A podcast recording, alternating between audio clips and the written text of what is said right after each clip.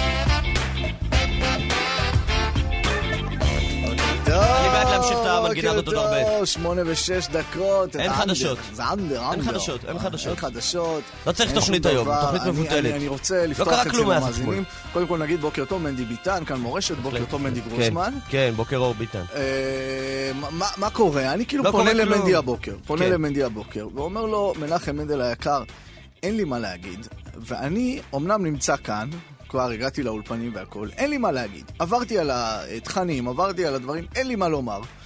אני לא רוצה לעלות לשידור. מה זה הדבר הזה שאני צריך לעלות לשידור גם אם אין לי מה להגיד? זה נשמע לי לא ראוי, לא הגון. אם בן אדם, כשאין לו מה להגיד, הוא יעלה, אז הוא פושע לעבודתו. כשיש לך מה להגיד, גם אם יש לך משהו פעוט להגיד, משהו אזוטרי להגיד, סבבה, אז תבוא תגיד. יש לך את המיקרופון, אתה מקבל, יש אנשים שיקשיבו, הכל טוב ויפה. אבל אם אין לך מה להגיד, החובה שלך, כאדם, עזוב, לפני עיתונאי, לפני הכל, זה לסתום את הפה. זה להגיד, אין לי מה להגיד, אני יושב בבית, לא אומר שום דבר. ו- ומה מה קורה? עכשיו, יש כמה אופציות. קודם כל אפשר, אה, אני אומר, כן? אני אומר לך אופציות. אפשר לשדר את התוכנית של אתמול. עכשיו מה, נכון המאזינים יקשיבו וישמעו שזו התוכנית של אתמול. אז מה, הם אנשים מספיק בוגרים לעשות את ההתאמה לבד בראש, אוקיי? הם אומרים אתמול ככה וככה, בסדר, מעכשיו היה ככה. בסדר, והם יעשו את ההתאמה בראש, לא צריך הכל להנגיש לאנשים כאילו הם ילדים בני ארבע. תשמע, ביחס למישהו שהצהיר הבוקר שאין לו מה להגיד ונואם פה כבר שתי דקות ברצף, נראה לי שקצת היית בהערכה עצמית שלך. שנייה, אני רוצה להמשיך את הדיון הזה. אין לו מה להגיד. יש לא, לו הרבה מה להגיד על זה שאין לו מה להגיד. כן, כן, מר, אין לך. תגיד, תגיד עוד. ואז, אומר אה, מנדי, טוב, אז אולי נשים מוזיקה, במקום לדבר, נשים מוזיקה, ואז בעצם עולה, עולה תגיד, תגיד את האופציה ששמת לא. על השולחן. מנדי. תגיד, תגיד, לא, לא, לא, תגיד. זו אופציה שלך, והיא אופציה חשובה אני אמרתי דבר פשוט. אני אמרתי דבר פשוט. אם- אגב, אני- תיקון דבר ראשון, זה לא שאין לך מה להגיד, אני יודע שאתה מצטנע ואתה כאילו רוצה לקחת את הבעיה על עצמך, אין לי מה להגיד, אתה אומר, אני אומר אחרת, אין מה להגיד. ואני אסביר לך גם למה אין מה להגיד. כי מה שקרה שלשום בערב, זה ש... הממשלה נפלה. נפלה. מה שקורה עכשיו זה שאנחנו מחכים, היום אמור לעלות, אה, כנראה היום, אה, הצעה לפרזור הכנסת. יש כאילו מגעים להקמת ממשלה חלופית, סיכויים קלושים עד בלתי קיימים. ראיתי שגפני מנסה לשכנע את גנץ שיחבור שוב לנתניהו, כן? והוא אומר לו, ושים לב, ציטוט, בכאן חדשות פורסם, שגפני אומר לו, אה, צריך... עזוב רגע את מה שהיה בעבר ואת אי כיבוד ההסכם, הפעם אני אתן ביטחונות. זאת אומרת, אז דרעי נתן ביטחונות, זה לא עבד, אם גפני ייתן ביטחונות, עכשיו גנץ יאמין. עכשיו, כמה מנדטים רגע. יש לחברי הכנסת לא, החרדים? אבל רגע, רגע, רגע. שנייה, אני רוצה להגיד רגע, משהו רגע, על אבל זה. רגע, אני באמת, אין לו מה להגיד, אתם מבינים? אין לו מה להגיד, אני לא נותן לפתוח את הפה, אין לו מה להגיד.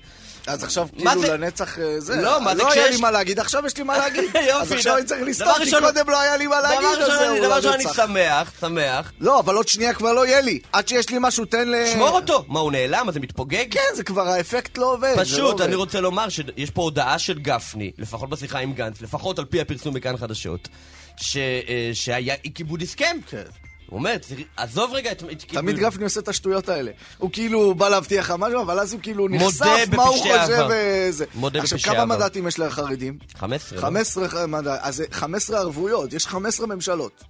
מה? כאילו עכשיו יבוא לא- מקלב ויגיד, תקשיב, גפני לא זה, עזוב, עכשיו ערבות שלי, יבוא לך טסלר. עכשיו חדש נכנס, יבוא לך טסלר, יגיד לך, תקשיב, מה שהיה שם, היה שם, עזוב. היה. דף חדש, הנה, אני טסלר, חותם לך ערבות. אתה יודע שטסלר בחיים לא שיקר, אוקיי? מדהים, מדהים, מדהים, מדהים. למה אנחנו לא מדברים באמת עם! חבר הכנסת ינקלה אני טסלר? חושב- אני- לא, אני מאוד אוהב את אה, טסלר. חבר הכנסת ינקלה טסלר, אה, חסיד ויז'ניץ, אני חושב. שפרוש. שפרוש ישים את אה, כובד משקלו על העניין וייתן את מילתו, מילה של פרוש, אז, אז... אז, אז יהיה ברור שזה לא יקרה. נכון, נכון, גם תמיד יש את הדבר הזה שאתה אומר, אוקיי, אוקיי, אוקיי, ערבויות וזה נתן, אבל פה בא בן אדם עם כיפה. בדיוק. בא בן אדם עם לא כיפה ישקר. חרדי, הוא לא ישקר, זה בכלל עניין אחר אצלם. אצלם זה בכלל עניין אחר. אה, על הבוקר כותב מאזין, מנדי מגיע עם עצבים, תודה רבה, עצבים יש לנו גם בלעדיך. תהיו רגועים באל- באולפן, כותב מאזין. אוקיי. לא משנה, בכל אופן, היה, אה, אה, התחלת להגיד, היה חדשה מאוד גדולה שנפלה הממשלה. נכון. ובינתיים ומאז- אין חדשה, יש ספקולציות על חדשות. לא קרה כלום מאז. לא קרה. אז למה לעשות תוכנית? מחר, אם תהיה פיזור הכנסת היום, אז מחר יהיה חדשות. אז מה, מה במקום? מה במקום? זה השאלה עכשיו, ש... אמר אה, היהודי החשוב הזה, הבריסקר, הסולובייצ'יק מירושלים, אברום ישעיה, בברום יהושע. יהושע, סליחה. פעם הוא אמר שהוא לא מאמין לעיתונים. כן. לא מאמין, הוא אומר, מה שכתוב שם לא מאמין להם. זה שקר. עוד לפני נתניהו ולפני... לפני כן. טראמפ, לפני הכל. כן. ש- הראשון שזיהה שהעיתונות זה שקר. אבל מה הוא אומר? הוא אומר שאלה מרפסי ניגרה. יש את אותה מרפסי ניגרה על השאלה כן, הזאת. תן לי את אותה. אותה מרפס. מרפסי ניגרה של מרפסי מנדי ביטן. כן. מרפסי ניגרה. עם מנדי ביטן, כן. אז אה, אה, תקשיב טוב מה הוא אמר, הוא עבור תצום, הוא אומר, רבו ישי, אז אמרו לו, שאלו אותו מאיפה אתה יודע? הלכת, בדקת כל ידיעה שכתובה בעיתון, במציאות, וגילית שזה לא נכון? הוא אומר, לא, לא, לא, זה משהו כללי יותר. הוא אומר, עיתון שאני מכיר, כל יום הוא יוצא פונקט 30 עמודים. כן. הוא אומר, רגע, אם זה עיתון שצריך לספר מה שקרה, אז אולי יום אחד קרה הרבה, צריך 60 עמודים. אולי יום אחד קרה קצת, צריך עשרה עמודים. אולי יום אחד לא קרה כלום, ולא יוצא עיתון. אומר, איך זה יכול להיות שכל יום פונקט 30 עמודים? ברור שהם משתמשים במציאות לצרכיהם. זה הבחנה מהותית זה לא מאוד. רק הבחנה מהותית, זו שאלה כל כך קשה שאין עליה תשובה. אין עליה, רבי. ישראל, אל תתאמצו. עכשיו אני רוצה, אני רוצה לקחת לזה שלב קשה. אחד, כן, נגיד, מגיע שעת ערב, כן, ועורך, יש לו הרבה ידיעות, נגיד באמת שקרו, אבל אין לו כותרת ראשית, משהו שמחזיק.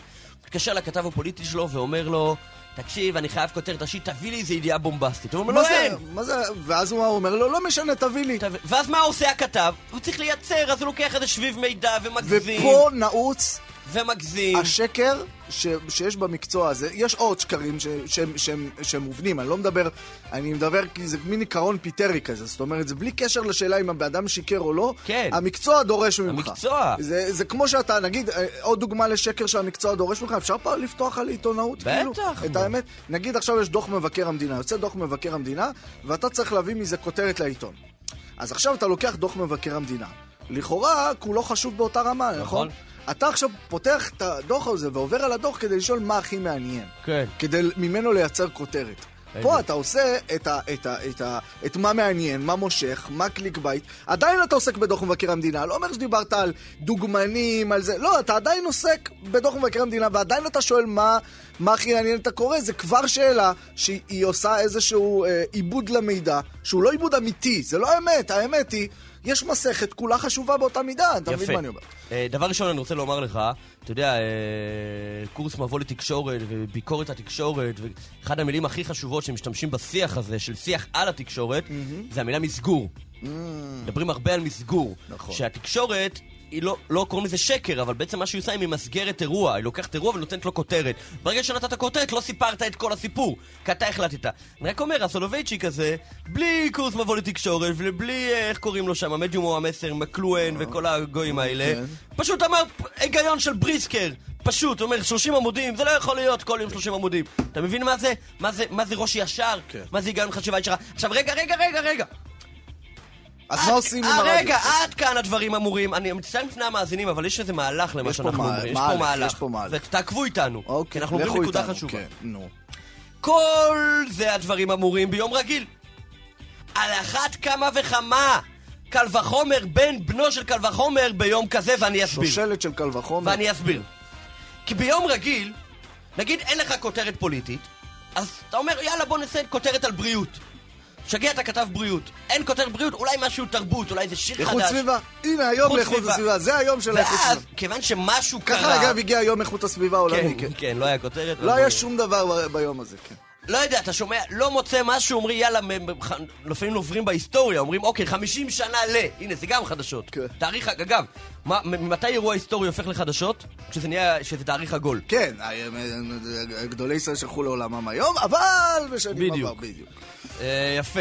אה, אבל, אז, ואז אתה אומר, אוקיי, השקר הוא קלוש, כי, כי באיזשהו תחום היה חדשות, אז נמצא משהו. כן. באמת נמצא משהו. כביכול. אבל... אבל מה קורה פה? לפני יומיים נפלה הממשלה. מאז לא קרה שום דבר משמעותי, אבל, אבל רוצים לדבר רק על זה שנפלה הממשלה. כי זה מביא את ה- את ה- את ה- בדיוק. את ה- את אז העניין. צריך למצוא חדשות לא בכל העולם, אלא בזה. זאת אומרת, השקר הוא כפול, כי אומרים לך, יש לך תחום אחד, בו אתה צריך להמציא. אין לך לאיפה לברוח. אז מה מתחילים? ספקולציות ממשלה חלופית, ומה. יעשה ככה, ומה זה, וממלאים את הראש של אנשים במלל ומלל במלל, ומרחיקים אותם מהתרא, אבל מנדי, מה, אז מה, מה נשדר, כשאין לנו מה לדבר, מה נשדר? אנחנו נעשה בדיוק את זה. את מה שאמרנו. לא, נעשה בדיוק את זה, אבל בוא נגיד מה הרעיון האידיאלי. אם היינו אנשים כנים, היה, ש- היה, היינו, לא, לא, שמים שירים אפילו. מוזיקה.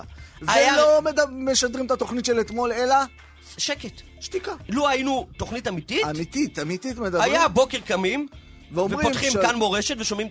בוא, בוא נעשה את השקט הזה רגע. תן, תן, זה עד עשר שניות. עכשיו, אין חדשות חברים. אין אה, מה לומר, שום דבר. כך. הייתה אמורה להישמע מה ש- כל מה התוכנית שיש לנו שלנו. להגיד לכם, אמרנו כך הייתה אמורה להישמע. התוכנית שלנו, לו לו... היינו אנשי אמת. אבל אנחנו לא! אנחנו לא אנשי אמת. אז בואו נתחיל! אם גם אתם לא אנשי אמת אה, כמונו, 055-966-3991,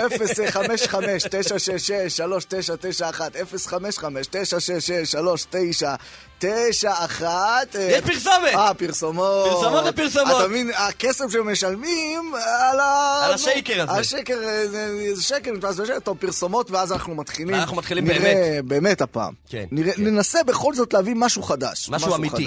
משהו אמיתי. בוא נראה. יאללה, יאללה.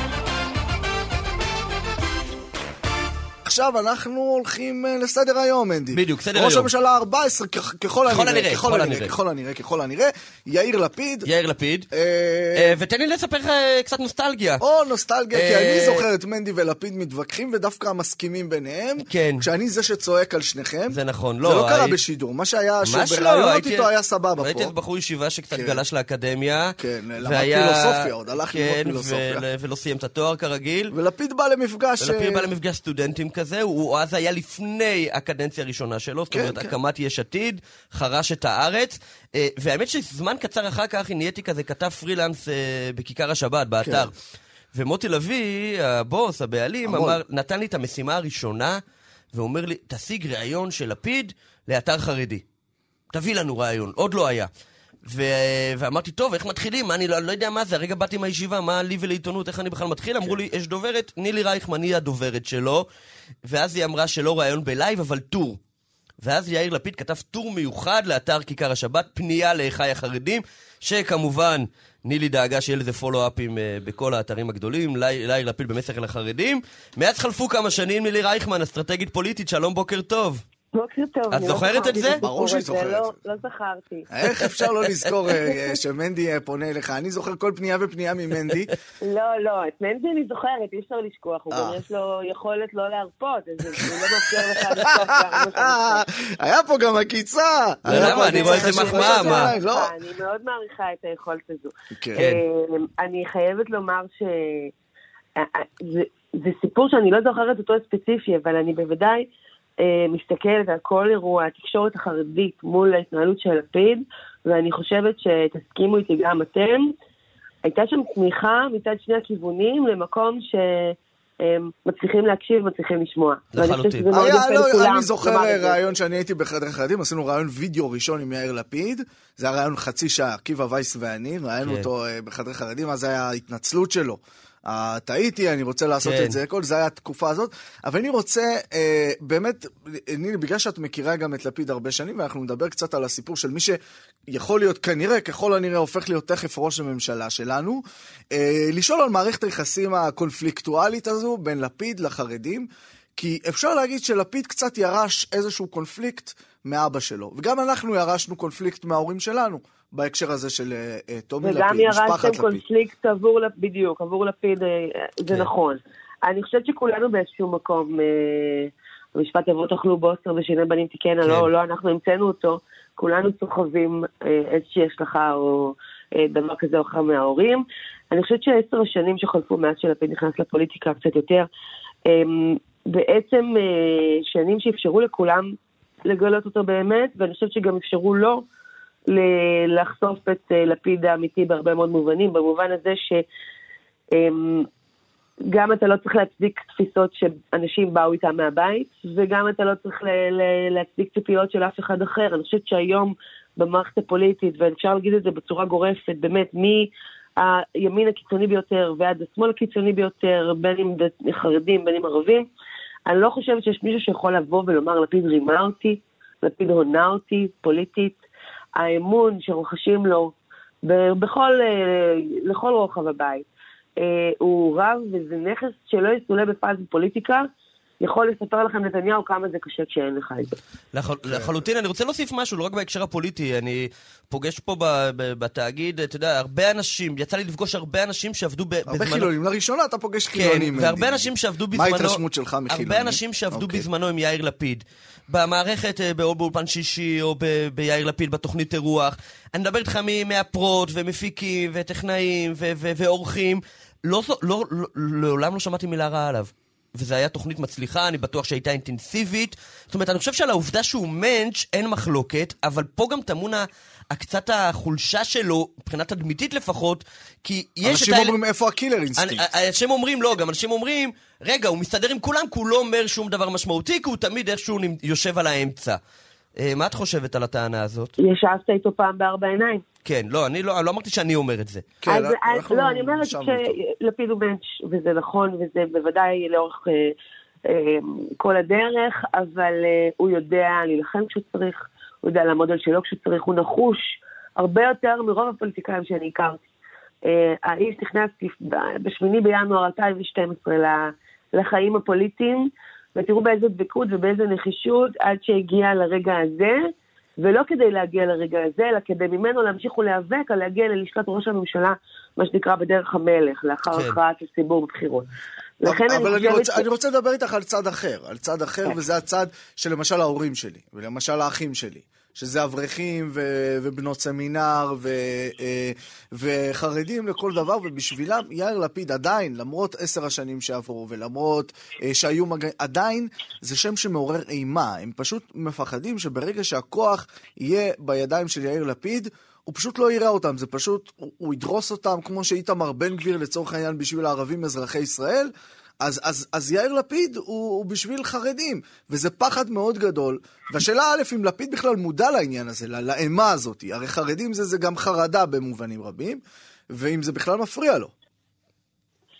אה, לדעתי, אה, אני לא יודעת להגיד לך אחד אחד אם הוא מודע, אני לא עובדת איתו בשנים האחרונות.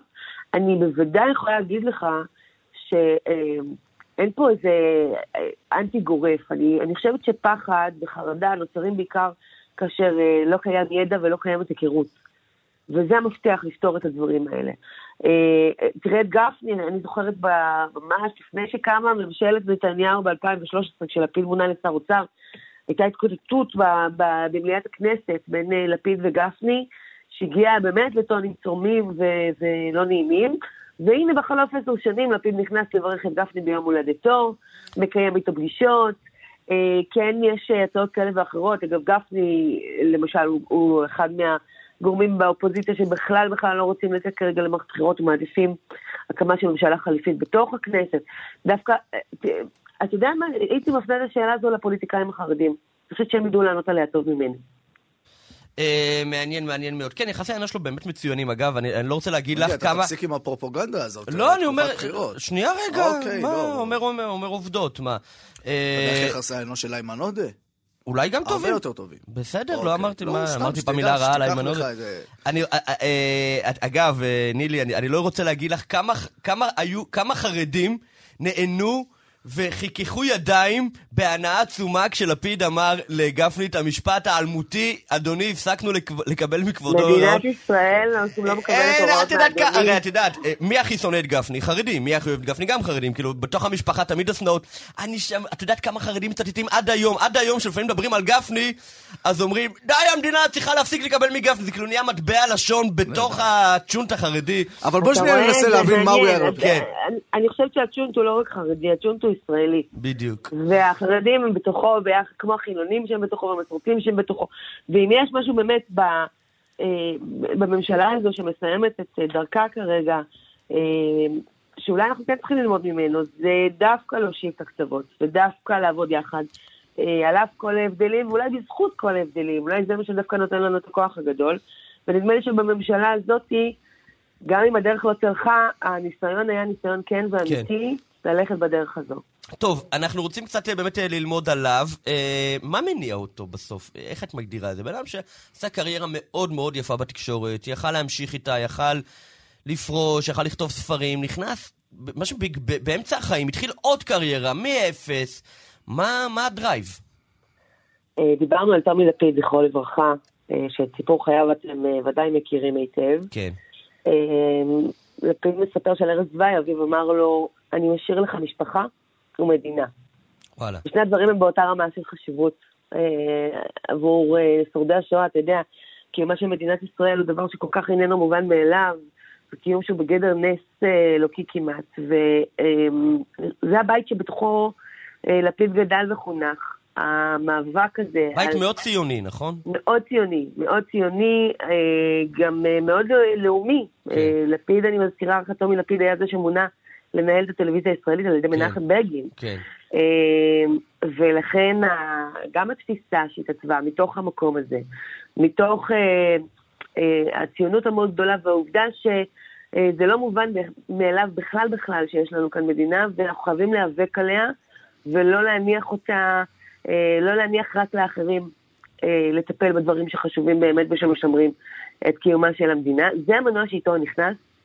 ועם המון המון המון נחישות אה, להגיע בסוף הדרך, לא חשוב כמה זמן היא תיקח, שים לב שבניגוד לאחרים הוא לא הודיע, אני בא לעשר שנים, לארבע כן. שנים, כן. הוא בא, הוא בא כדי לעשות את הדבר, והוא בא כדי לעשות את הדבר הנכון, אה, והוא מאוד האמין בזה מתחילת הדרך, גם אם, אתה יודע, בבחירות 2013 הייתה ציפייה שנביא משהו כמו 13 מנדטים, שיקבל את משרד החינוך, כן. ואנשים פשוט האמינו לו כי הוא דיבר דיבר את האמת שלו מהבטן. וכשאתה אומר, אתה עושה קמפיין אותנטי ואמיתי, שום דבר לא יכול לעמוד בפני זה. מדהים, מדהים, אני רואה שאת כבר לא, זה כבר, את כבר לא מקבלת על זה כסף, ואת עדיין מאוד מעריכה את האיש. אני מאוד מעריכה את האיש. אה, אני יכולה להגיד לך שעבדתי איתו שלוש וחצי שנים. כן. חוויה מעצבת, מלמדת ומאוד אנושית. מעניין. נילי רייכמן, אסטרטגית פוליטית, תודה רבה רבה, בוקר טוב. תודה, בוקר טוב. מנדי ביטן. שר התפוצות נחמן שי, מפלגת העבודה, בוקר טוב. בוקר טוב, בוקר טוב חברים. הניסוי, ברוך השם, השם יעזור. תקשיב, אתה מרגיע לאומי, אז עכשיו... או, הנה הוא מתחיל עם זה עוד פעם, אנטי. כן, מה לעשות? אפשר לדבר עם כבוד השר בלי לא, לעשות השלב. לא, אבל בהקשר הנוכחי, אנחנו שוב בכאוס, לא שוב כנראה נלך למערכת בחירות, שוב כנראה לא תהיה הכרעה, או ממשלה לא יציבה, תרגיע אותנו. שתו מים. שתו מים, תודה רבה. תודה. עכשיו שעברנו את המשוכה הזו, אה, אה, כן. אה, אמור לי כבוד השר, האם כן. הניסוי כשל? לא, ניסוי להסתיים בהצלחה. החולה מת אבל. הניתוח הסתיים בהצלחה, אבל החולה מת. החולה במצב לא טוב, אבל הוא יחזור. אה, אני דוקטור, אבל לא לרפואה, אז אני לא יכול לתת לכם הבחנות רפואיות מדויקות, אבל הוא יחזור מהר מאוד לחיים, כי יש לו דופק. אה, יש להם מכונות כאלה שמודדות, ואני אומר לכם, אחרי הסקרים של אמש, שעם כל הלחץ וההתלהבות, והנה האנשים הרעים הולכים, הופ, אפילו אין לו 61. מה זה אומר? הציבור מחולק, לפחות חצי-חצי, והמחנה שלנו, שאני מודד אותו כמובן מהמרכז-שמאלה, אבל יש בו גם נציגות מאוד יפה של הימין האידיאולוגי, המתון, שאפשר לדבר איתו. אה, ביחד אנחנו יכולים להתאושש, יחזרו המפגינים, יחזרו הגשרים, תחזור ההתלהבות, תח- תחדור ההבנה שצריך להציל את מדינת ישראל. אוקיי, תגיד, כשאתה מסתכל, אתה אומר אתה אבל מרוצה מההרכב של הממשלה הנוכחית, ואני רוצה לשאול אותך בכנות, שאתה מסתכל על האופוזיציה, על מפלגות האופוזיציה, יש שם כן. מפלגות שחסרות לך בקואליציה? באופוזיציה, אני הייתי אה, מכבד בהחלט את המפלגות החרדיות, אם היו מצטרפות אלינו, לפחות דגל התורה. אה, אני חושב שאין סיבה שהם לא יהיו בקואליציה הזאת. נכון, יש אה, חילוקי דעות. מה- ההבדל בין. דגל התורה לש"ס לצורך העניין? למה אתה לא, אומר? אני חושב שש"ס ש"ס לקחה מקום יותר קיצוני מאשר דגל התורה. בדגל התורה, אני מוצא יותר מתינות ויותר נכונות לשיח ושיג. אה, אני, אני מאמין שהם היו יכולים למצוא את מקומם בקואליציה, הם נדבקו משום מה לנתניהו, והם אה, שילמו וישלמו, יש, מחיר לנאמנות הזאת. הבנתי. כבר יש מחיר, אנחנו רואים אותו. אוקיי, אני, אבל אני אגיד לך, כי, כי למשל, אחת, אחת הסוגיות שאפשר, לפי בסקרי דעת קהל, אחת כן. הסוגיות של הקהל הישראלי היהודי, אה, כן. הכי קשה לקבל, אולי מכל הסוגיות אה, אה, שהממשלה הזו טיפלה בהן או הביעה בהן עמדה, ויש מעט כן. סוגיות כאלה, כי הרוב פשוט לא הביעו עמ- עמדה, כי כל העמדות קיימות כן. בתוך הממשלה, זה סוגיית הישיבה עם מפלגה ערבית, עם מנסור עבאס. וכאן אתה עדיין רואה שלמרות שאחוזי התמיכה בישיבה עם ממשלה ערבית רק עולים ועולים, אם לפני הממשלה הם היו 70% מהישראלים התנגדו, היום רק 50 ומשהו ישראלים מתנגדים, עדיין רוב הישראלים היהודים קשה להם להעלות על הדעת שותפות עם מפלגה ערבית, ונתניהו, ככה זה נראה, כשהוא תוקף את הממשלה הוא בעיקר מתמקד בשותפות עם מנסור עבאס. קודם כל, מי שפתח את הדלת, ועל כך יבורך, בפני ה- המפלגות הערביות, זה בנימין נתניהו. תאמין לי, כשהוא יסתכל בעוד 20 שנה... אצלנו קוראים לזה מברך רעהו בקול גדול. אני חושב שאני מתכוון... אתה מכיר את- המינוח. הזה? זה, זה, זה פסוק ממשלי, זה אדם שיוצא ככה, מ- מברך את רעהו אה, בקול גדול, והחבר מוריד את הראש ואומר, לא, לא, לא, אני מוותר, מויכל טויבס. הבנתי, מויכל טויבס, עברנו ליידיש, זה טוב. לא, לא, לא, אני מתכוון. אני מתכוון לכל מילה. אני מאמין שנתניהו עשה את זה לא בדיוק מהטעמים הנכונים, הוא פעל מטעמים פוליטיים אה, ציניים. הוא אמר, בואו ניקח את הערבים. הוא לא ראה שהוא יוצר משהו שכל כך חיוני בחברה הישראלית, וזה שוויון. אבל אה, בדיעבד, אה, שלא לשמה, יצא לשמה. מאיפה זה, מאיפה זה לקוח? וזה גם, זה גם אה, מפרקי אבות. אוקיי, אני, אני טוב. רוצה... טוב, בסדר, אז אתה אומר, אוקיי, אז הוא פתח את הדלת הזאת, אבל עדיין, אתה יודע, יש לציבור הישראלי, ויש שם חלקים גדולים, ואפילו רוב, ביהודים. ביהודים כן. צריך להגיד, שזה עדיין דבר שקשה לו לבלוע למרות השנה הזאת. מה, מה אתה יכול להגיד לאנשים? אני אומר לאנשים שאנחנו חיים בחברה מגוונת. נכון, אתם מורשת, אתם לכאורה מכוונים לקהל אה, יותר דתי. אני אומר שחברה ישראלית שהיא, שהיא חברה מגוונת צריכה לתת ייצוג לכל אחד ואחת. לכל אחד ואחת. אחד מתוך חמישה ישראלים שעכשיו הולכים ברחוב או נמצאים בזירה הציבורית הוא, הוא ערבי. הם רשאים, ולדעתי ראויים, להיות חלק מהממשלה. שלא לדבר על המפגשים האחרים איתם, מי שנכנס עכשיו לא עלינו לבית חולים, מי לא, שהולך לבית בית חולים לצורכי לידה, לצורכי בשורות. טובות. כן. מה? לא, אמרת לא עלינו לבית חולים, אבל ברוך השם אפשר להיכנס לבית חולים מסיבות משמחות בעזרת השם. לא, לא, ניכנס לחדר לידה גם. כן. הכל בסדר, תסתכלו על, ה, על כמה מהצוות של בית החולים, כולל הצוות הרפואי, הם ערבים. טוב. וזה סימן לגאווה. אני אומר את זה סימן לגאווה. לא לחוסר אונים. אז בוא נדבר רגע על דברים שהם לא סימן אה, לגאווה, לפחות לא בשלב הזה, כי אתה באמת הזכרת את הסקרים, ובסקרים שראינו אתמול בלילה באמת לנתניהו אין 61, למרות שלאורך כן. כל השנה הזו מ-52 מנדטים בבחירות הוא טיפס וטיפס וטיפס, כן. אבל גם אם ראינו את הסקרים לגוש השמאל, גם לא ראינו שם uh, מצב ממש טוב, וייתכן ולא תהיה לכם ברירה. מפלגת העבודה ומרץ, מפלגות שבאמת רק חוקרים במדע המדינה אולי יכולים uh, לדעת מה לא, ההבדלים לא, ביניהם, לא, לא, לא, יצטרכו להיות. יחד. לא, לא, לא. אני גם, אני גם אה, חוקר במדע המדינה. נו, ואתה הצלחת להבין אז... את ההבדל במפלגת העבודה ברור, למרץ? ברור, ברור. אנחנו, אנחנו מפלגה שנוטה למרכז, והם נוטים לשמאל, הם שמאל. המקום שלנו, הייתי אומר, על המפה הפוליטית הוא בין מרכז לשמאל. שם היינו. כל דרכנו הפוליטית, אני מזכיר לכם את, אה, את מנהיגי המדינה. כן, אבל אתה באמת רואה הבדל מהותי בין, אה, בין כן. חברת הכנסת נעמה לזימי, שמאל, לבין אפרת רייטן, שמאל, לבין תמר זנדברג, מיכל כן. רוזין? ממש אתה רואה שם הבדל בהשקפות העולם? א', אני לא מודד את זה פר חבר כנסת. כל חבר כנסת יכול לשמור על עצמו השקפות שילכו קצת יותר ימינה וקצת יותר שמאלה. אני מדבר על השורה התחתונה. השורה התחתונה, מפלגה אה, ביטחוניסטית שתמיד נתנה ותמיד תיתן את המשקל הנכון לביטחון ישראל. ועוד פעם, אני לוקח... אתה חושב שיאיר גולן למשל לא היה נותן את המשקל הנכון לביטחון ישראל?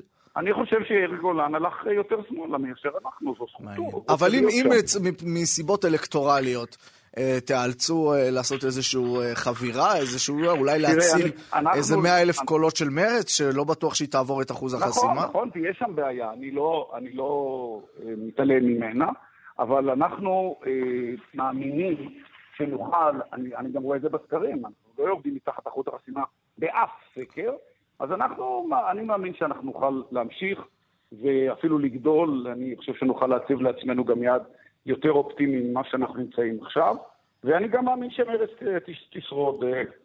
אה, בפעם הקודמת אה, אנחנו סייענו להם... בפעם הקודמת אתם התחלתם את מערכת הבחירות, הסקר הראשון אחר הפלת הממשלה, מפלגת העבודה עמדה על 0.6. נכון. זאת אומרת, פחות ממה ששיקלי מקבל מנדטים. עכשיו. הגיע כן, לשבעה. מנדטים בזכות מרב מיכאלי. נכון. למרץ אין, אין את, ה, את הקלף המנצח, היא מאוד כן. מאוד, המצביעים שלה כועסים עליה, ועדיין הגוש הזה חייב, אה, חייב, את, אה, חייב את מרץ. כדי אה, אולי לנסות להוות איזשהו אופוזיציה. אני לא מבטל את מרץ. אני בעצמי עמדתי בקלפיות לפני לא הרבה זמן, שנה. ועודדתי אנשים שאמרו לי, אני הולך להצביע מרץ, אמרתי, עליי. בסוף הפלתי את עצמי, כי היו חסרים לי 400 קולות. אבל אתה יודע, 400 קולות שהיו חסרים בסוף השתלמו והפכת להיות שר. אה, ואז גם, גם חסכו ממך את כל הבלאגנים של הכנסת, וגם הרווחת משכורת של, של שר. שאלה אחרונה, ההצבעה כן, במגזר הערבי בשביל אה, גוש המרכז-שמאל. אה, בבחירות האחרונות, מספר המנדטים של המפלגות הערביות ירד מ-15 ל-10 מנדטים בלבד. מן הסתם אחת המשימות שלכם תהיה לעודד הצבעה, לשכנע את הערבים אזרחי ישראל לצאת ולהצביע שוב. אתם מתכוונים לעסוק בזה באופן פעיל, או שתשאירו לערבים את אשר לערבים? אני חושב שכל אזרח ישראלי שחרד לקיומה של מדינת ישראל כמדינה יהודית דמוקרטית, צריך לבוא להצביע. טוב. גם ערבים, גם ערבים, הוכח כבר שערבים יכולים למצוא את מקומם ליד שולחן הממשלה, עם עיסאווי פריג' וליד בקואליציה, והם צריכים לדאוג אה, וחייבים לדעתי להיות מיוצגים כדי שהאינטרסים של החברה הערבית גם יבואו לידי ביטוי, ולכן מי שרוצה שם להיות חלק מה, מה, מה, מהמשחק, צריך לבוא ולהצביע. הוא לא עושה טובה, הוא שומר על עצמו ומגן על עצמו. שר התפוצות נחמן שי, מפלגת העבודה, תודה, בוקר טוב. תודה חברים, תודה רבה. מנדי ביטן. פותחים את הבוקר עם מנדי גרוזמן ואלי ביטן. שלום אה, ובוקר טוב לחברת הכנסת קטי שטרית, הליכוד. בוקר טוב, שלום וברכה. ארבע הסבבים uh, הקודמים, ארבעת הסבבים הקודמים, לא היה 61. הנה סקר uh, מאתמול שאין 61. יכול להיות שגם בסבב החמישי נתניהו לא ישיג את 61 המנדטים הנחוצים להקמת ממשלה? בוא נשים את הדברים על דיוקם. אתה שוכח שבמערכת הבחירות האחרונה היו שתי מפלגות שאמרו שלא ילכו לא עם לפיד ולא עם עבאס, והם הפרו את הבטחתם מי? מי? לבוחר, שיקרו ורימו, מי? ולכן הציבור... מי? מי? אה, מי? ימינה ותקווה חדשה? תקווה חדשה הבטיחו שהם לא ילכו עם בכלל- נתניהו גם. אבל, אבל הם לא הבטיחו שהם ילכו עם ממשלת שמאל. אין בעיה, לא אבל. לנתניהו לא... הם אמרו נתניהו זה לא אופציה. נתניהו זה לא אופציה, הם היו גם כאן אצלנו בשידור, אמרו לא יקרה וניסינו לשכנע שלהם- אותם. רגע. כן. אבל הבוחרים שלהם, ששמו את הפתק, לא האמינו שתקום ממשלת שמאל. הם לא האמינו שזה יקרה. לא, לא אמרנו שהיה 61 בעיקר לממשלת שמאל. חברת הכנסת שטרית, חברים, אבל... בעיקר ימינה, כן. שגם חתם והראה את זה לכל הצופים. כן, אבל זאת לא הנקודה. אבל בואו, אבל רגע, רגע. הנקודה, אז רגע. יפה, אתה אומר שזאת לא הנקודה, ואני רוצה להגיד את הנקודה. לא, רגע, הנקודה רגע, רגע, רגע. כן. השאלה שלי פשוטה. השאלה שלנו פשוטה. אה, איך נתניהו השיג 61? בבחירות האחרונות, גם עם ימינה, היו 60 מנדטים, לא 61. זאת אומרת, גם אם תגידי, לדעתך, אה, ימינה הייתה מקיימת את הבטחותיה, לא היה ממשלה ביחד עם ימינה, 60 מנדטים. לכן אנחנו אה, שואלים, שאתה- מה, מה ההנחה לחשוב שהפעם זה יהיה שונה, אחרי ארבע סבבים? אז בואו נחלק את התשובה שלי לשניים. א', אין טוב ממראה עיניים ומלשבת אתמול במספר מפגשים בצפון הארץ עד דרומה, שם פגשתי אנשים בכנסים זוהרים, צוחקים, עם המון המון מוטיבציה, דבר שלא ראיתי ב- ב- בסבבים הקודמים. כשאנחנו חוזרים, נחזור, נוציא כל אדם מביתו כדי שיבוא להצביע.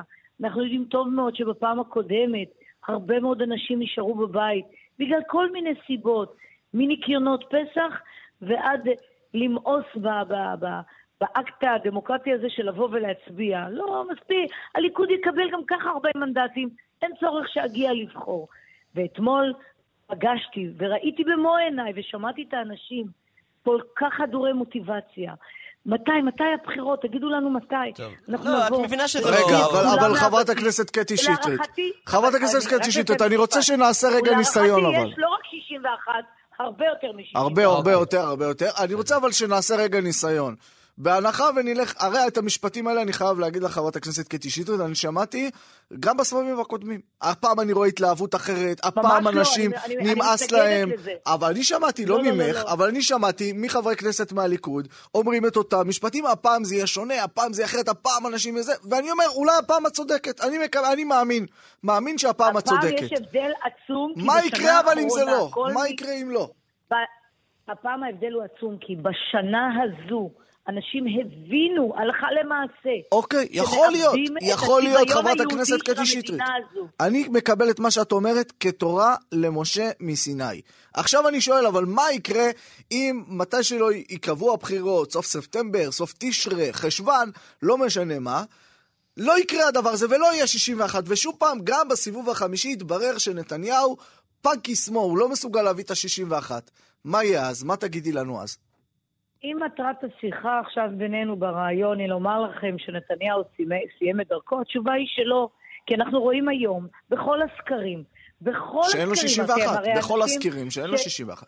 אבל הוא האדם הפופולרי ביותר, האדם שהכי הרבה סומכים עליו. וזה לא האדם מספיק. שהכי הרבה חושבים שהוא אמור להיות ראש הממשלה והמנהיג של הימין. ועדיין זה לא זה מספיק מה שהציבור בשביל להרכיב ממשלה. ולך לך אני אומרת, כן. שבפעם הקודמת, ואני ראיתי את ההבדלים, אני הסתובבתי בין הקלפיות, הייתי בדרום הארץ במקרה, ועם אותו אדם שיצאתי לסבב, אמרתי, חברים, אנשים לא יוצאים, הקלפיות ריקות.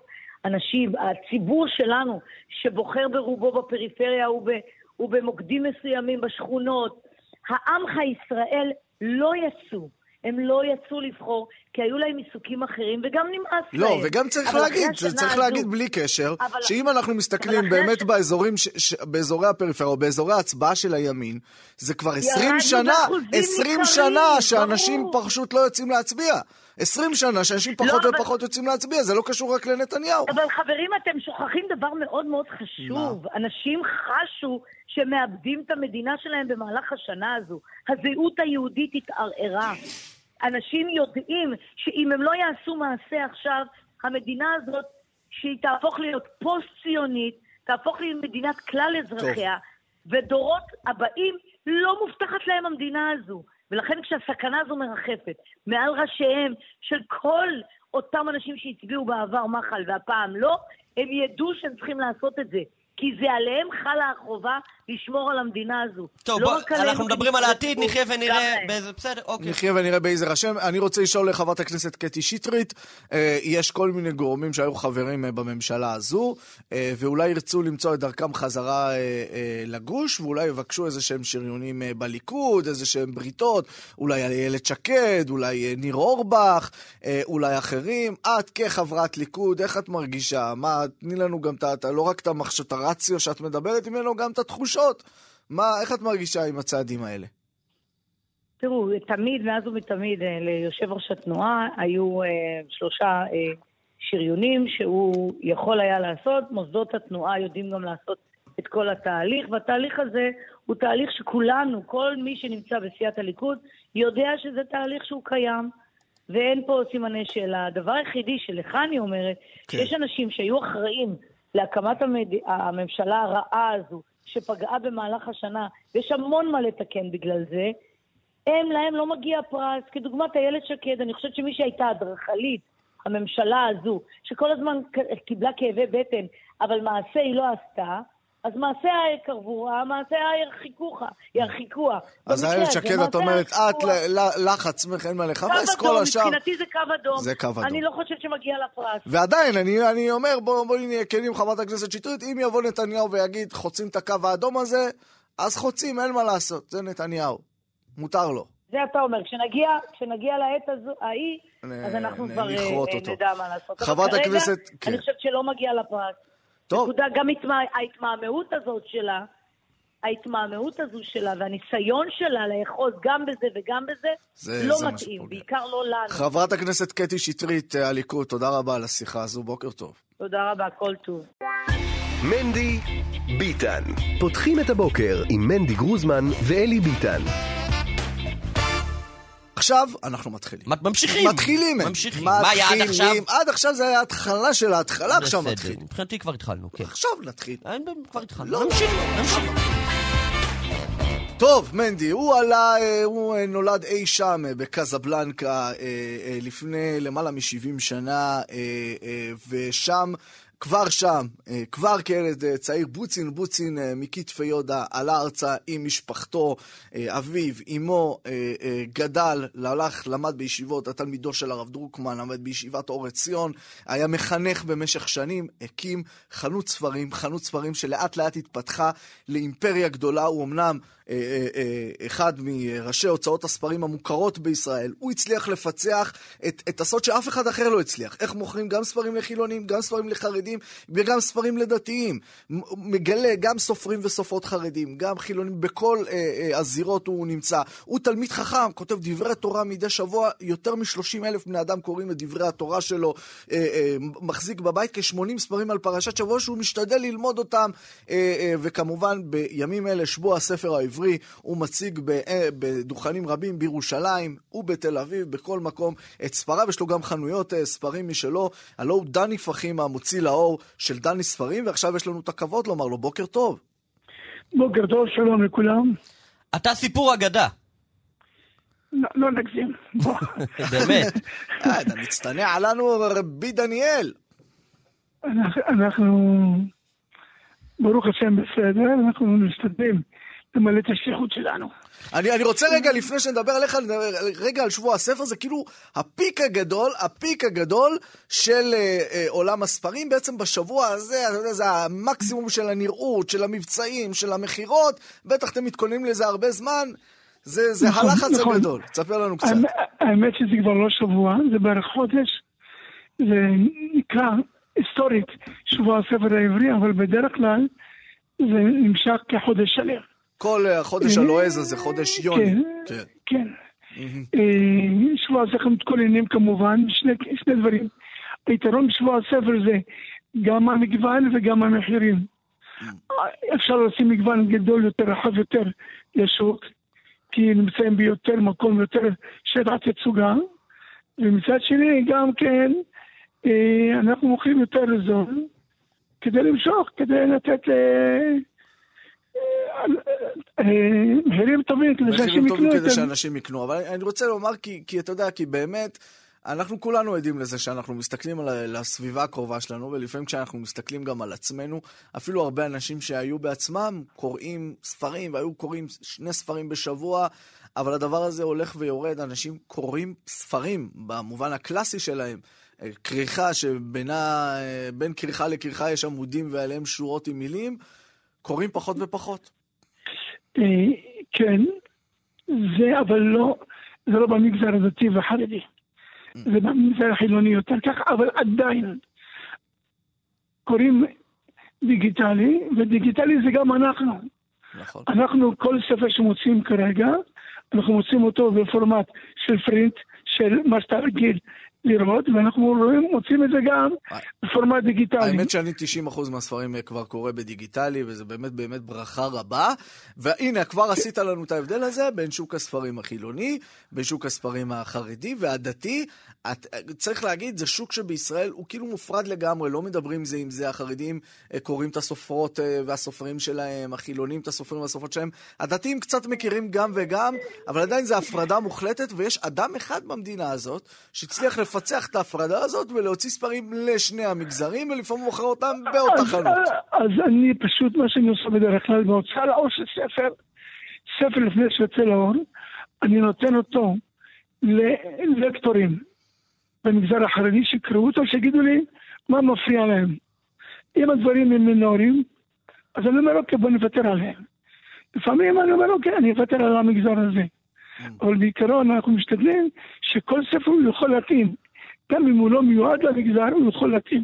אבל איך, איך זה עובד? איך זה עובד? אם יש לי- ספר, כן. אם יש לי ספר מידע כן. על כדור הארץ, ואני צריך לשנות רק את ההקדמה, שזה לא מיליוני שנה, אלא אה, השם היה בורא עולמות ומחליף המניעה, אז כן. אני כבר, אני משנה כדי ש, שבית חרדי דתי יכול להכניס את הספר. אז אני כבר מביא מבחינה כלכלית עוד מגזר שלם לאותו ספר. נכון. יש לי שאלות ותשובות, אז אם יש שאלה ותשובה שהיא לא מתאימה, או ספר גוף אדם, שדברים מסוימים, אני לא מריץ על זה דברים, ש... מסוים. דברים בגוף האדם שאין לחרדים למשל, חלקים בגוף שאין לחרדים, אז אתה מוציא את זה. בספר. לא, יש חלקים שהם לא רוצים לראות אותם לגמרי כמו שהם. אז אנחנו משנים את זה. אנחנו, אני לא קורא לזה, את? אנחנו- אנחנו מגיירים. כן. אה. מגיירים. יש עכשיו מילה חדשה בעברית לעניין הזה, לא מצנזרים, מגנזרים. מגנזרים. ככה כן, הכריזה. האקדמיה. לדעתי מילה נפלאה. אה, יש, יש חנות בירושלים שקוראים לה תעצורה חבקוק, מי שמכיר במאה שערים. כן. הבעל הבית הקודם היה לוקח ספר שלא מתאים למגזר ומתחיל לעבור במרקר, לסמן, למחוק עם טוש שחור את המשפטים שלא מתאימים אבל לו. אתה יודע, לא דני, גם דיברתי איתך על זה, כי באמת, באמת, פעם, בדור של ההורים שלנו, באמת לא היה. הספרות זה היה משהו כללי, ו- ו- ואולי ישראלי ואולי חילוני, ומי שהיה רוצה לקרוא ספרות יפה, היה חייב לקרוא ספרים שהם הם לא חרדים, ואז אולי למחוק בטוש או לעשות כל מיני פתרונות, נכון, אבל אבל היום היום לא יש צריך. אין סוף, כאילו. גם חרדים. נכון. היום אין סוף, אין צורך. העניין הוא כזה שאנחנו גם קצת מכלילים. חרדים, חילונים, אנחנו לא צריכים להכליל, יש כל כך הרבה. פעם מישהו הלך לרב שלו ואומר לו, שמע רב, יש לי חמישה ילדים. את כולם חינכתי אותו דבר, ארבע יצאו בדיוק כמוני, עם שטריימר וכולי וזה, ואחד לא. אומר לו הרב, הטעות שלך שחינכת את כולם אותו דבר. Mm, לא צריכים לחנך את כל כולם אותו דבר. כל אחד. כל אחד עם השליחות שלו, עם הנשמה המיוחדת שלו, עם האור שלו. תספר לי שנייה על, אה, על אה, באמת על איך זה עובד, ההבדל בין סופר אה, חילוני אה, וסופר חרדי. זאת אומרת, מגיע סופר חילוני להוצאה, מציע את הספר שלו, אה, אם הספר מתקבל, הספר עובר עריכה, ואז יוצא ככה לשוק, כן, עומד במבצעים. כן, אצל החרדים זה קצת עובד שונה, יותר יותר האמת. האמת, אחת הבעיות שהחרדים, סופרים חרדים, הם באים ואומרים, אנחנו רוצים שהספר הזה יימכר בסטימצקי, שיימכר בצומת. אנחנו רוצים להגיע לשוק הכללי. ומה אומרים לי בדרך כלל? למה לא? אין פה שום- אין פה שום סימן חרדי. אבל ת- תדע לך שבפועל זה לא הולך, כי השפה היא אחרת, היא שונה. השפה של סופר חרדי היא שונה, היא לא מתאימה. היא לא מתאימה לחינוך, זאת אומרת, גם אם אין לא, לזה... לא, איזשהו- גם אם הוא מנסה בכל מיני דרכים לנסות לשנות, הוא לא יכול לשנות, כי זה עניין של אופי. אז יהיו תמיד כאלה במה היא שבכל שונה? אתה זאת... יכול להסביר לי, דני? במה שונה בעצם השפה של הסופר או הסופרת תגיד החרדית? לילד, תגיד לילד חילוני, חסד, הוא לא יבין כל כך. הוא לא יבין על מה. צדקה, הוא לא יבין, הוא יגיד, "אה, צדקה. כן. הוא לא יבין, אבל תגיד שמע, אני עושה חסד, אני עושה משהו טוב. מעשה טוב. זה נראה אחרת, שמע אחרת. מעניין. אז זה זה דברים, זה מושגים אחרים אבל שונים. אם עכשיו אה, שומע אותנו אה, סופר חרדי או סופרת חרדית, והם שואלים את עצמם, איך אני מוציא את הספר שלי? איך אני רוצה, כתבתי ספר, או כתבתי ספר על ההיסטוריה של הרבנות, או היסטוריה של הפוליטיקה החרדית, או לא יודע מה, איזה סיפור אנושי אבל- מטלטל. אם הנושא הוא חרדי, אז שייעד אותו לחרדים. הוא לא צריך להיות בציבור הכללי. אוקיי, ואז מה הוא עושה? יהיו תמיד? כאלה. מה הוא עושה? בדרך כלל פונה אלינו, או להוצאה אחרת. אנחנו צריכים את זה ללקטורים, קוראים את החומר, ומחליטים אם להוציא את הספר או לא להוציא את הספר, איזה עריכה צריכים לעשות לו, ומה לשנות ומה לא לשנות. מעניין מאוד. יש בכל זאת, אה, ולסיום אני אשאל, בכל זאת סופרים אה, חרדים שכן מצליחים מעבר לגבולות המגזר החרדי? כן, אבל מוגבל. מוגבל מאוד, אתה אומר. הם, לא, הם, לא, כן, הם, הם לא מגיעים לספרים, הם- בציבור החרדי, יש לי ספר שמכר 600 אלף עותקים, יש לי ספרים שמכרו 500 אלף, יש ספר- שמכרו 50 אלף, זה לא, לא קשה. בציבור החרדי, למכור 10 אלף זה מטורף. חד משמעית, כן, משמעותי מאוד. כן, טוב, כן, דני, זה- דני פחימה, מול הוצאת אה, דני אה, ספרים. שמע, אנחנו אה, מאחלים לך כמובן שיש שבוע ספר שמח. אנחנו אה, תודה, תודה. כמובן שולחים לך את הספרים שלנו, אה, גם שתעביר אותם ללקטורים שלך, שיגידו למה זה לא מעניין, לא חרדים ולא חילונים. אנחנו אה, מודים לך, ותודה רבה על השיחה הזו. תודה, תודה. בוקר טוב. שלום אלי הלמן. בוקר אור, בוקר נפלא, מה אנחנו עם שלומכם? הפרס, הפרס, פרסר, רק אחד הפרסרים אה, שלנו, חדשות האוכל הכשר עם אה, מנהלי דתילישס, אה, והיום עם אלי הלמן, הפרסר הראשי, שלום לך אלי, הבמה שלך. שלום שלום, אז ככה, היות שדחינו ביום את הפינה, אילוצים טכניים ועניינים של פוליטיקה, הרווחנו לפתוח את התוכנית הבוקר עם breaking news מאוד מאוד יפה, שבעצם הגיע לפתחנו במהלך היום האתמול.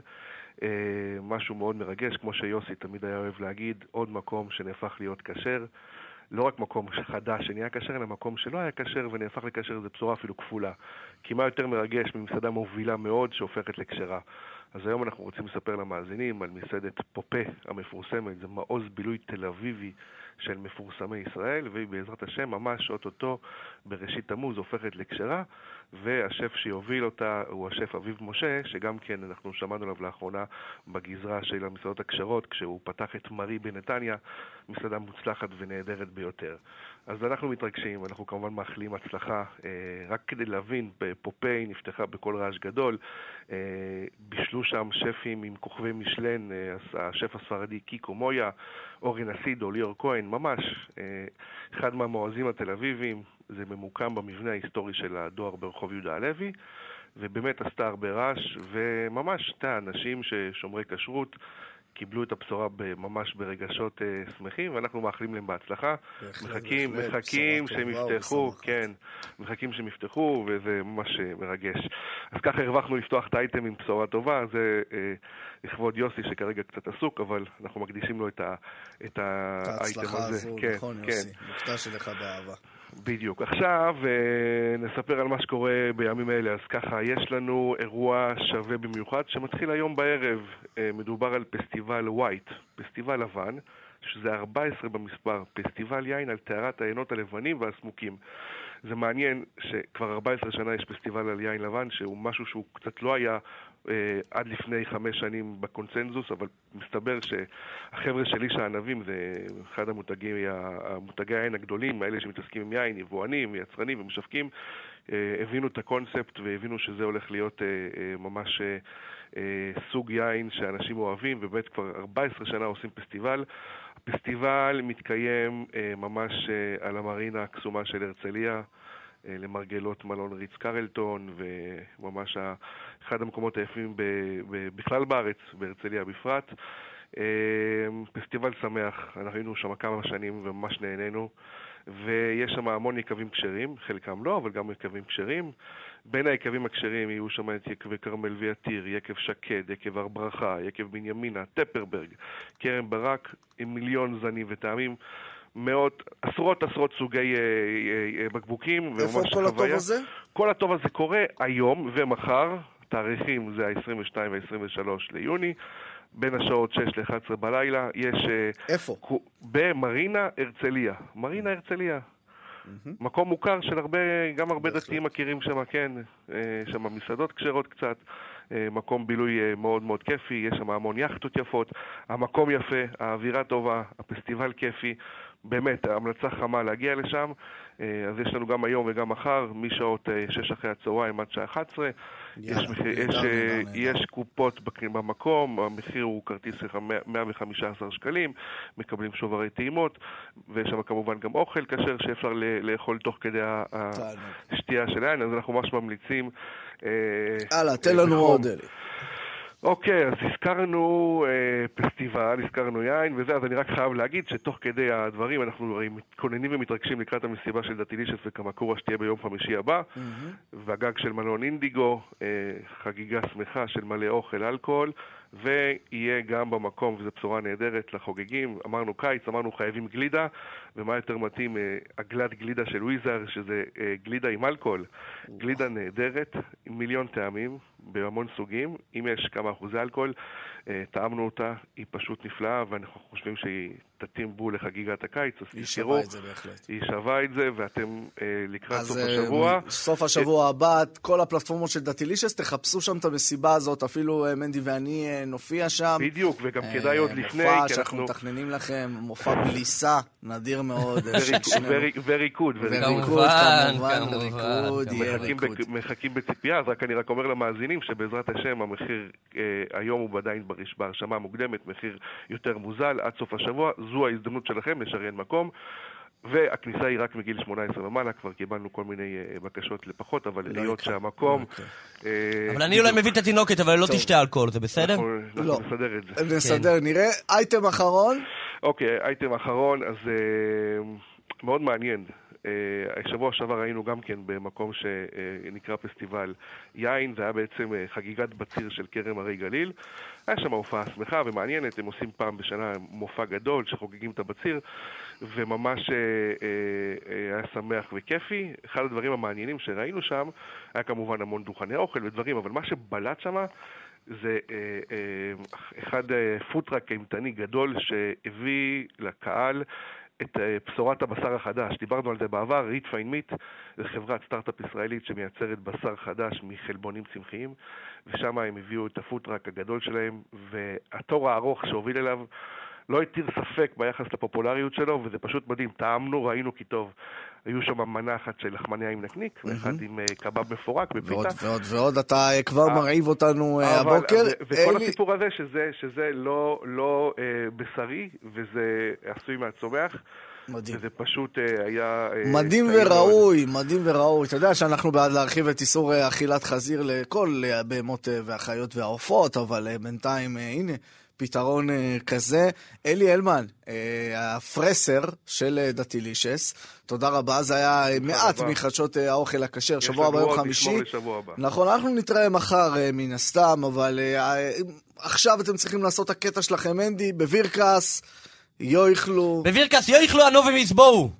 אוקיי. ווסיז נייס, הנייס של כאן מורשת. הנייס של המזרוחניקים. הציונות הדתית, של הציונות הדתית. רגע, רגע, זה מגיע, תן לנו אנדר, תן לנו אנדר. דביר עמר, מזה שבוע, עיתונאי על, דביר עמר, פורס לנו את החדשות של הנייס, האוילו מטיירה. הדתי-לאומי. של המזרוחניקס. הוא איתנו? הנה, דביר עמר, בוקר טוב. בוקר אור, דבר בוקר אלינו, אור. דבר אלינו, דבר דבר אלינו, דבר אלינו. מה שלומכם? בוקר טוב, בוקר? טוב, דבר, דבר, יש לנו כמה. דקות, דבר. יפה, עכשיו הישיבות רותחות ביותר, אה, אתה יודע, הממשלה נפלה, ישיבת מעלה אליהו ורמת גן, העליתי תיעודים מטורפים באמת של ריקודים, החבר'ה שמחים ברוב הישיבות, כמובן יש ישיבות שמתייחסות עדיין באיפוק, בכל זאת לפיד עולה, בוא נראה. זה היה ורצוי. לרוב אחיו כזה, אה, רוב הישיבות שמחים, כן. בדיוק, רוב הישיבות, כאילו אי אפשר להגיד עכשיו שאתה יודע, עד שהמציאות לא, לא, לא תהיה שלמה. ונשאלת השאלה פה, בדיוק השבוע דנתי פוליטית עם אנשים, האם, האם המשמעות של הישיבות תהיה לה נפקא מינה בבחירות? לדוגמה, נועם הכריזו לפני כמה ימים, אנחנו רוצים שתי מקומות בשריון. אז אמרתי, מה אתם חושבים לעצמכם? אז אומרים, אנחנו הישיבות שפעלנו, זאת אומרת, אנחנו היינו בהפגנה מול ניר אור, בארבעה דברים, ואנחנו היינו אקטיביות. האם זה שיש ישיבות שהן אומנם מאוד אידיאולוגיות, אבל ביום-יום לומדים תרם, כן. מה שנקרא, האם הם ישלמו מחיר פוליטי לטובת אה, אנשים כמו נועם? זאת אומרת, האם זה שעוצמה אין לה שטח האם בישיבות? מודדים רק כמות אנשים או גם אה, אפקטיביות? מעניין, שאלה מעניינת. תגיד רגע, יש ישיבות שנוטות קצת לבנט, או שחלוקות יותר, הגוש אולי, אה, משהו מהאזורים כן, האלה? אתה רואה, נגיד, נגיד, ניסיתי מאוד להשיג תגובה, נגיד, של הר עציון, עתניאל, ישיבות שתמכו ברפורמות של אה, מתן כהנא, כן. לא כל כך אפשר להשיג אותם בימים האלה, מה שנקרא מתחת לרדאר, לפחות מה שאני ניסיתי. מעניין. אה, זה מאוד מעניין, לכן, לכן אמרתי, כאילו, כמובן שהיה היה תמיכה רבנית מסוימת, באמת, אנחנו דיברנו עליה גם בפינות, כן. כמובן, רוב אבל הרב- המסה הגדולה חוגגת. אה, בדיוק, לגמרי לגמרי חוגגת. אפרופו חגיגות, אני העליתי בדיוק תיעודים של גם ראש ישיבת דימונה וגם ראש ישיבת ראשון לציון, הרב שלמה לוי, הרב דודי, עושים להם מארגנים ימי הולדת. שמע, זה טרנד שהולך וזה, פעם, פעמים היו מארגנים ימי הולדת לרבנים, אנשים היו, לא היו מבינים. היום זה נהיה עניין שבשגרה זה סוג של אה, כבוד תורה לרב, זאת אומרת, פעמים היו כבוד תורה לרב, אולי עושים איזה סיום ש"ס אה, שהרב עושה.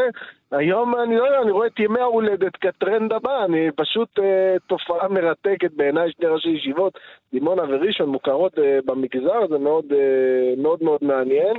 אה, מה דעתכם על זה? זה קיים בציבור החרדי דבר כזה? עוד לא, עוד לא. אבל מן הסתם זה יהיה, אתה... לאט לאט זה, זה נכנס, אתה יודע, זה קורה בשוליים, אנשים עשירים, אנשים ככה, אנשים פה, אבל בסוף זה, זה ייכנס. באופן, באופן כללי חרדים אה, כמעט ולא חוגגים ימי הולדת, חייב להגיד כן. את זה.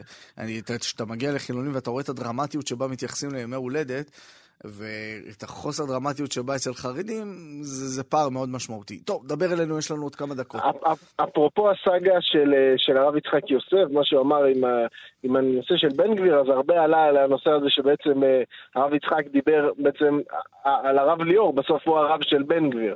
עכשיו... אה, כן, הוא דיבר על הרב, אה, הוא ו- אמר הרב שלך נגד כל הרבנים, נכון. בדיוק, הרב שלך, נכון. עכשיו, בסוף, אה, הרב דב ליאור, מבכירי רבני הציונות הדתית, אולי כמעט מגדולי הפוסקים, זה, זה אירוע, למה? כי, כי הבאתי פרסום ראשון על מכתב של אה, הרב טאו. עכשיו, זה שהוא נגד עלייה להר הבית, אין שום חידוש בעניין. אבל זה שבמומנטום הזה, זה אומר תמיכה מלאה. עכשיו, מצד אחד, דנו כבר הרבה פעמים על יחסי הר המור והרב ליאור, שמצד אחד הוא מוזמן להרחיק עליו, מצד שני, ביקורת נוקבת, אבל לעומת אנשים אחרים שהר המור לא מוכנים להיפגש איתם שמעודדים עלייה להר הבית, הרב ליאור, בגלל שהוא גברא רבא... אה, הכל אה, קודש חוץ מחודש.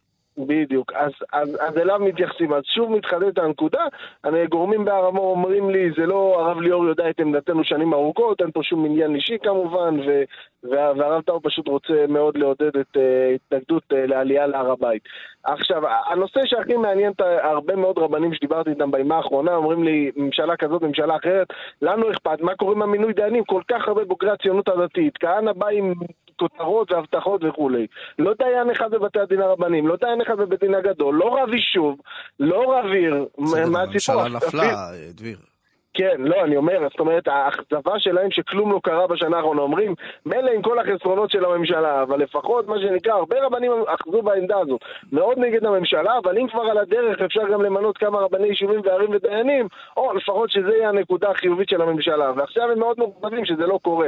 עכשיו, כמובן, יש את הרב יאיר בן מנחם, דיברנו על זה... אה, רץ לרבנות תל אביב, והרב דרור טוויל אה, רץ לרבנות שדרות, ממש לרבנות שדרות זה כבר רץ. ופה נשאלת השאלה בשדרות, האם יגישו עתירה? זאת אומרת, יש עתירה, שאלה אם היא תתקדם.